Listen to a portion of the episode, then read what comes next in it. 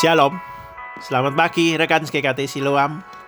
Apakah pagi ini pagi yang indah? Mari kita jadikan hari ini indah dengan merenungkan bagian firman Tuhan. Baru kita melakukan semua kegiatan kita. Mari kita sama-sama berdoa lebih dulu.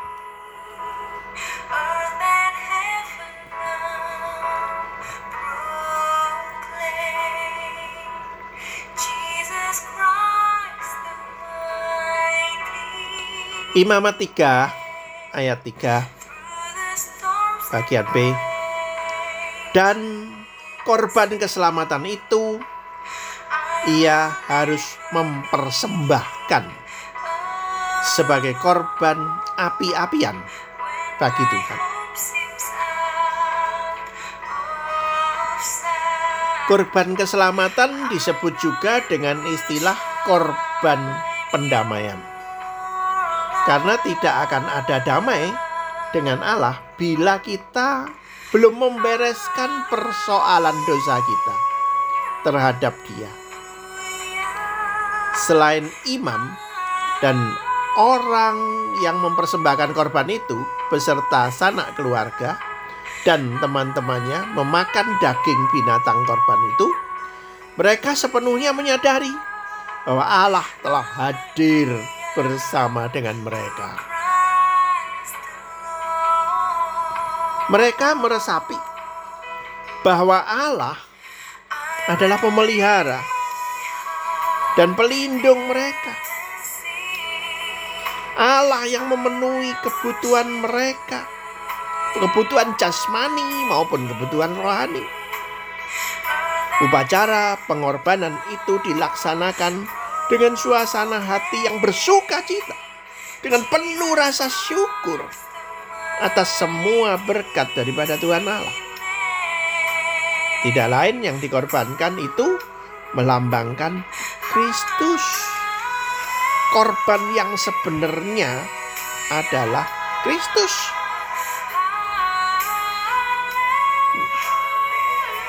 Allah mengadakan pendamaian oleh darah salib Kristus. Itu di Kolose 1:20. Bila perlu diadakan pendamaian, pasti ada keadaan yang tidak damai atau yang bermusuhan. Memang begitulah keadaannya. Oleh karena adanya dosa, oleh karena mulanya kita hidup di dalam kegelapan dosa. Dahulu kita seumpama musuh-musuh Allah. Kolose 121 berkata bahwa kita dahulu hidup jauh dari Allah dan memusuhinya dalam hati dan pikiran seperti yang nyata dari perbuatan kita yang jahat. Bila kita sudah memberi diri kita dipersembahkan, diperdamaikan dengan Allah melalui iman kepada Kristus, barulah kita dapat mengalami damai sejahtera dari Allah itu.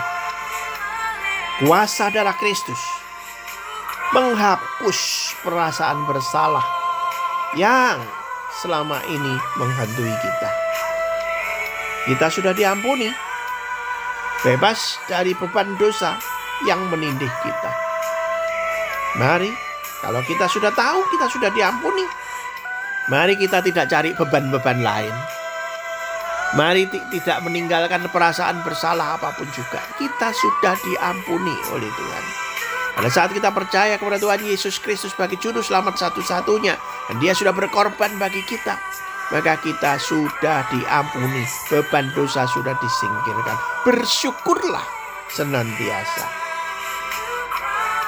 Selama kita hidup di luar Tuhan, dan memperjuangkan kehidupan kita sendiri, kita tidak akan mengalami damai dari Allah. Mari hidup bersama dengan Tuhan dan merasakan damai sejahtera dari Allah di dalam hidup kita yang sisa ini. Amin. Mari kita lakukan. Shalom. Tuhan memberkati hari ini.